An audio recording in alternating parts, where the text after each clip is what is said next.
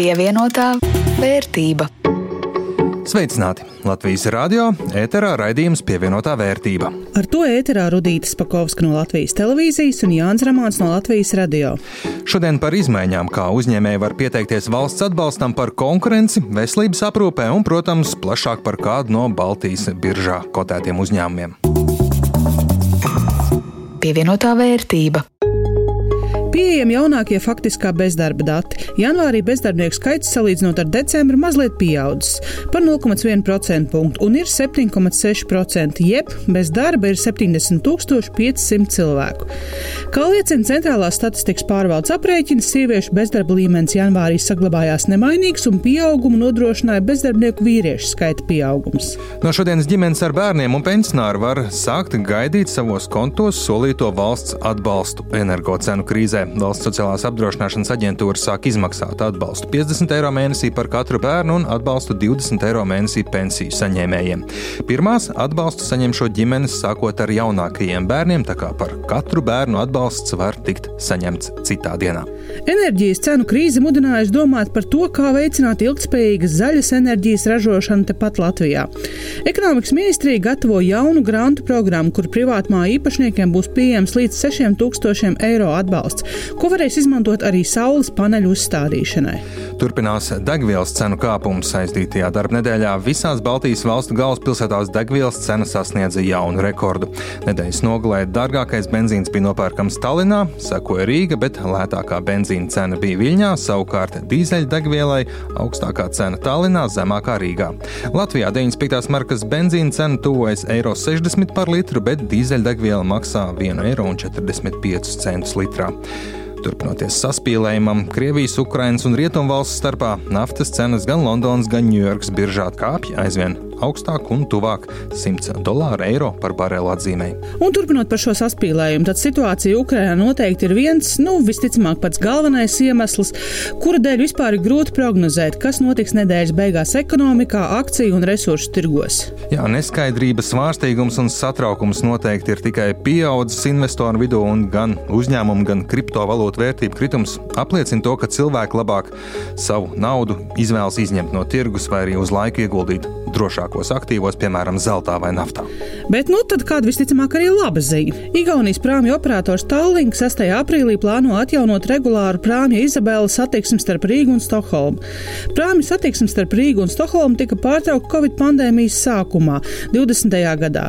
Prāmju satiksmi jau atjaunot maršrutā Tallinn-Stokholmu, jo Zviedrija atcēlus noteiktos ierobežojumus.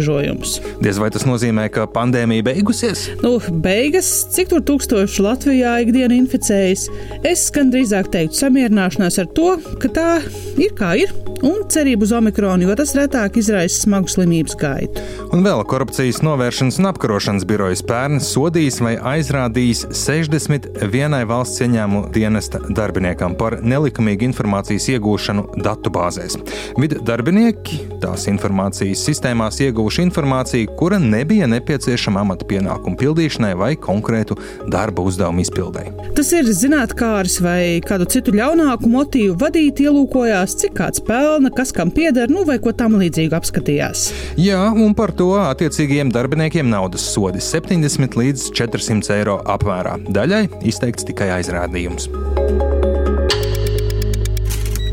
Nu, ja nu ir kāda lieta, par kuru pandēmijas laikā strīdu bija mazāk, tad tas ir par to, ka veselības aprūpe ir prioritāte. Bet no nu, arī tur, paskatoties dziļāk, netrūkst konfliktu. Un pateicoties vienam no tiem, bija ārkārtīgi interesanta LTRK diskusija par konkurences veselības aprūpē. Nu, ringa vienā pusē - nozars privātie uzņēmēji. Viņu viedoklis, lai gan tarifi, ko valsts par pakalpojumiem maksā, ir vienādi pilnīgi visiem, valsts un pašvaldību uzņēmumiem ir konkurences priekšrocības, piemēram, un turpina veselības aprūpas darbu darba devēja asociācijas valdes priekšsēdētājs Māris Rēvalds. Mums šķiet, ka nevienmēr ir liederīgas investīcijas šajās te tehnoloģijās, šī poliklinika būvniecība. Jo, piemēram, mēs skatāmies uz divām lielām universitātes slimnīcām, kas ir Stradiņa un Rakus. Tad viņiem starp citu ir tikko nesen, kaut kur pēdējo piecu līdz sešu gadu rāmī, ir jau uzbūvēts abiem jauns poliklinikas. Bet viņi atkal būvē atkal jaunas, vēl lielākas poliklinikas apstākļos, kuros privātie to nodrošina par to pašu naudu, ko valsts mums jau maksā. Viņiem arī maksā, un viņi atkal paralēli prasa investīcijas, lai būtu politiski, jo paši neskapēc nemāk uzbūvēt. Ja paši būvētu, tas būtu lieliski. Būtu godīgi konkurence, maleči, labi saimnieki, teicamnieki, bet tas neskapēc nenotiek. Protams, ka šīs ēkas ir pārsvarā bezatlīdzības lietošanā. Labākajā gadījumā tur tiek maksāts kaut kādas maksas par apsaimniekošanu, uzturēšanu. Asa ir arī konkurence par personālu. Piemēram, Stradiņa slimnīca no 1. janvāra ir tieskāršos atalgojumi radiologiem. Kā viņi to var izdarīt? Apstākļos, kad visas iekārtas ir uzdāvinātas, viņi nav paši pirkuši praktiski neko. Viņi var palielināt algas trīs reizes. Protams, var pasmieties, ka tagad nabaga privātiem tagad būs arī jāpaceļ algas līdzīgi, bet tas attiecas veselu rindu projektus, tā skaitā attēlota diagnostika, kas tiek sniegta citām slimnīcām un privātie pakalpojumu sniedzēji vairs nevar nodrošināt attālinātu diagnostiku reģionālām slimnīcām, kas apdraud pacientu dzīvības, jo uzņemšanas nodaļās nav radiologu. Lūk, šādas barošanās ķēdes un tādu piemēru būtu vairāki. Eh, protams, atvērts ir jautājums, cik lieliska un saglabājama ir tāda sistēma, kura izrādes iespēju nodrošināt pakalpojumu balstās uz radiologu mazo algu un spiedienu strādāt ļoti, ļoti daudz stundas. Bet problēma ir skaidra. Pēc privāto nozars uzņēmuma domām nav godīga konkurence. Nu, ringa otrā pusē šoreiz pašvaldības, kuras satrauc idejas par to, ka pamatā pakalpojumus uzticētu veikt privātajiem uzņēmumiem, pašvaldībai ļaujot darboties tikai tad, nu, kad privātais ir atteicies. Kristīna Kīņš, pašvaldības savienības padomniece. Ja mums kādā brīdī ir privāts eh, pakalpojums sniedzējs, kurš nodrošina, piemēram, to pašu bērnu zobārstniecību, tad mums visu šo laiku pēc būtības ir jānodrošina arī paralēli, lai mums ir telpas un aprīkojums, ja gadījumā mums pazūd šis privātais. Līdz ar to mēs nevaram runāt tikai tādā veidā, ka mēs selektīvi izvēlamies, kuru pakalpojumu sniedzam, kuru nesniedzam. Papildus ir jārunā, ja mums ir iekārtas, arī tas tika izteikts, ka mēs neattīstam jaunus pakalpojumus. Tad, ja mums ir iekārta un mēs sniedzam tikai vienu noteiktu pakalpojumu, bet mēs varam ar to pašu iekārtu sniegt vēl papildus pakalpojumu, kāpēc to neizmantot? Veselības aprūpas sistēmu nevar vērtēt tikai caur konkurences prizmu, tā uzsvēra Māja Āboliņa no valsts kontrolas padomas. Un tad tas priekšstats kaut kur radās tāds, ka, ja mēs paliekam tikai konkurences laukā, ja mēs runātu salīdzinājumos, varbūt ar izglītību, ka tajā gadījumā, ja kādā apdzīvotā vietā atverās privāta skola priekš septītās klases, tajā brīdī uh, valsts vai pašvaldības skolā septītā klase būtu jāizver ciet, jo tur pastāv konkurence. Un šeit ir nepieciešams atgriezties pie tā, ka veselības aprūpes atversmē garantētais veselības aprūpes minimums, tās ir cilvēktiesības, un visas veselības aprūpes un politikas plānošanas centrā ir pacientu vajadzības. Risinājums, jo galvenais, par ko šķiet šajā diskusijā vienojās visas iesaistītās puses, ir tas, ka problēma netrūkst.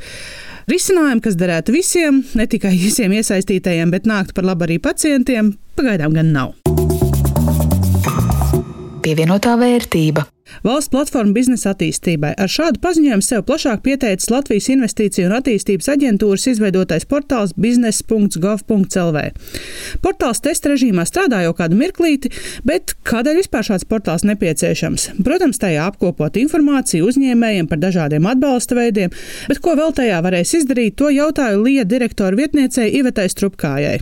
Protams, ļoti būtiska šī portāla daļa ir tā, ka e-pakalpojumi, ka LIBE pakalpojumi būs pieejami, ir jau pieejami un būs pieejami arī turpmāk un arī arvien vairāk tieši caur šo platformu, kas eh, būtībā arī palīdzēs šos pakalpojumus zināmā mērā saņemt ātrāk un iespējams tie visi būs pārskatāmāki. Un, protams, šis mērķis ir arī zināmā mērā samazināt eh, tādu administratīvo slogu un arī birokrātiju, kas parasti saistās ar šādu dokumentu iesniegšanu, pakāpeniski tomēr nodrošinot, ka dati, kuri jau ir mūsu rīcībā, netiek pieprasīti vēlreiz, un attiecīgi uzņēmējiem nav jābūt eh, dusmīgiem, kad atkal un atkal viena un tā pati iestāde prasa vienas un tās pašas datus. Līdz ar to mēs tiešām esam likuši lielas cerības uz šo portālu un arī plānojam to attīstīt eh, turpmāk un arī nākotnē. Un, eh, protams, ka tai ir jābūt vietai, kur ir pieejami ne tikai mūsu pakalpojumi, bet kur ir pieejama informācija arī par tiem pakalpojumiem, ko sniedz citas e, valsts iestādes un kur ir būtiski uzņēmē darbībai. Un šis arī ir tas virziens, kurā mēs redzam tādu nākotnes attīstību, ar laiku būtu jābūt iespējai arī citu iestāžu e-pakalpojumus, ja tie ir saistīti ar uzņēmēju darbību, eksporta veicināšanu, pieteikt šo, šo portālu. Portālā reģistrēties var ik viens, un, kā norāda Strupkāja, biznesa.gov.lv jau ir vairāk nekā 1300 reģistrēti lietotāji un pieteikti arī jau vairāk simt pakalpojumu. Jau pieminējām ģeopolitisko nestabilitāti, kas pērnajā nedēļā šūpoja lejup arī Baltijas akciju tirgu. Aizdītajā nedēļā kritums visur - Tallinā 2,9% mīnusā, Viņai 1,6% kritums, mazākais mīnus 0,66% Rīgā. Krituma arī visvairāk Baltijas biržā tirgotajām akcijām. Līderim Šauļas bankai akciju cena nedēļas laikā sarūka par 4,39%, kopā veikto darījumu apjoms nedaudz virs 3 miljoniem eiro, otrajā ar mazliet zem 3 miljonu eiro apgrozījumu Enefit Green, tur 3,5% kritums akciju cenai nedēļas laikā. Trešie - Igaunijas LHV grupa. Darījumi par gandrīz 2,5 miljoniem eiro, akcijas cenas kritums gandrīz 5%. Nu jā, tas viss redzams arī manā portfelī. Aizvadītā nedēļa nav bijusi labākā portfeļa vēsturē, bet nu vismaz pagaidām neviena akcija mīnusā nav. Kā tev iet? No maniem 500 eiro aizdītajā nedēļā ir apēdusi 15 eiro naudas izteiksmē, jeb ja pārreikinām procentos, tad tie būs trīs. Bet nu, es ceru, ka Tallinka atgriešanās pie sava pabanda biznesa jau drīz nesīs augļus arī manā portfelī, jo šobrīd kopš iegādes viņi man ir nesuši vai nu nelielas zaudējumus, vai arī bijuši pa nulēm. Bet plašāk šodien par kādu Lietuvas uzņēmumu, kurš, lai gan strādā stabili un veiksmīgi, šķiet lielu labumu mazākumu akcionāriem nenes. Turklāt tas lūkojas biržas pamešanas virzienā.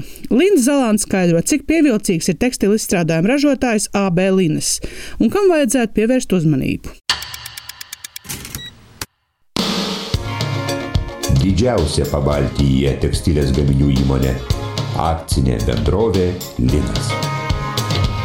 Lietuvas tekstilu izstrādājumu ražotājs Linas ir ar senu vēsturi. Tas dibināts pirms 65 gadiem, un uzņēmumu grupu veido Linas un Lino apdaila.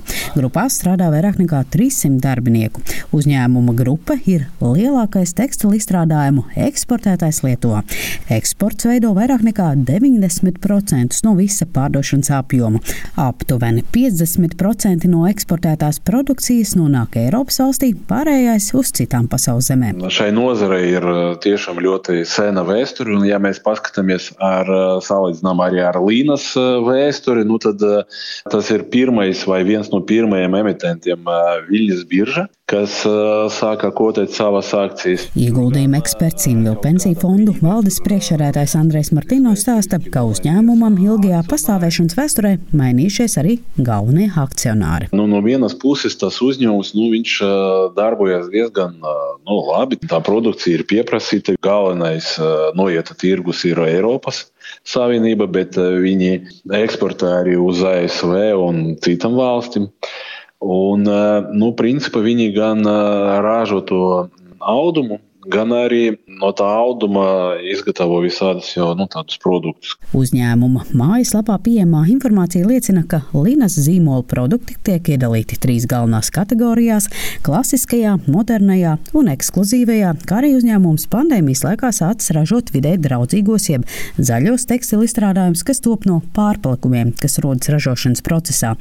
Kopumā uzņēmuma piedāvāto produktu klāsts ir plašs, sākot no mājas tekstila, dvieļa, galdauti, aizskari, gultsveļa un beidzot ar halātiem un priekšautiem. Praktiski mēs nu, to produkciju varam redzēt arī mūsu veikalos un arī mūsu tajos tirdziņos, jā, kas parādās, kad kļūst siltāk. Jā. Kopumā tas uzņēmums diezgan stabili darbojas ar zināmu peļņu, bet tā galvenā problēma ir tur, ka nu, šī akcionāru maiņa nebija tāda veiksmīga vai draudzīga priekš eh, mazākuma akcionāriem vai priekš biržas eh, investoriem. Un, ja mēs tā godīgi sakām, nu, tad eh, uzņēmumam ir problēmas ar šo. No vienas puses, tās akcijas salīdzinoši nu, ar citiem uzņēmumiem vai ar vērtējumu, cik akcijas ir vērtīgas vai cik investori ir gatavi maksāt par šo uzņēmumu nevis absolūtos ciparos, kas ir biržas cena, bet no uzņēmuma novērtējuma viedokļa ir diezgan zema tā cena. Eksperts teica, ka sākotnēji varētu šķist, ka Linas ir lētas akcijas, uzņēmums samērā veiksmīgi strādā, finanšu rādītāji ir stabili, līdz ar to var pirkt šī uzņēmuma akcijas un pelnīt, domājot, ka lēti var nopirkt un visticamāk cena pēc tam pieaugs. Bet šeit arī ir tā problēma, ka nu, visticamāk, ka nekļūs īpaši dārgas, tāpēc ka tā korporatīva pārvaldība diezgan tādā nu, nepietiekošā līmenī, varbūt tā teiktu. Ja? Nu, visticamāk, ka arī uzņēmums ilgi birža, nu, nu, viņš tā kā neredz savu nākotni birža, tāpēc ka viņam ir tāds tā kā plāns pamest biržu. Viņš gan jau kādu laiku tiek nu, mēģināts īstenot. Martīnos mudina analizēt pēdējos gadījumus, kad kāds no Latvijas uzņēmumiem izgājis no biržas, piemēram, no farmācijas sektora Grindex un Holēm Farm, sakot, ka tad tur viss bija salīdzinoši godīgi, mazākuma akcionāriem tika izmaksāta likumā noteiktā maksimālā cena, viss notika saskaņā ar esošo regulējumu un bija tiesiski. Savukārt šeit notiek nu, tādi kā es saprotu, nu, tādi mēģinājumi tomēr arī nu, tajā procesā arī kā, minimizēt izdevumus un kā, apiet tas mazākuma akcionāru intereses. Tāpēc tur tā situācija nav tik vienkārša. Un, no vienas puses, ar uzņēmumu viss kārtībā, no ar biznesu ar darbības rezultātiem. No otras puses, nu, mazākuma akcioniem no tā nekāda labuma nav. Runa ir par absolūtu kontroli, jo lielākuma akcionāru grupai pieder vairāk nekā 70% no uzņēmuma akcijām. Martīnos teica, ka jāskatās ar zināmu piesardzību šo investīciju, jo var nokļūt nepatīkamā situācijā. Arī dividendžu politika līdz ar akcionāru maiņu tika pārskatīta un dividendes nav izmaksātas vairāk nekā 20 gadus.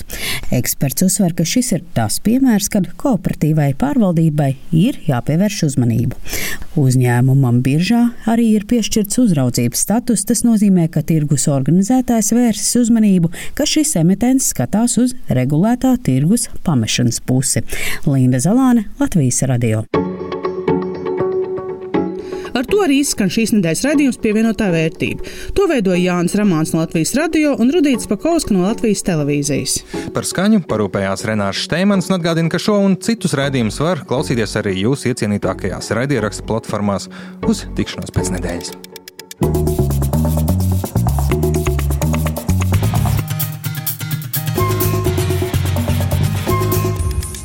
Pievienotā vērtība.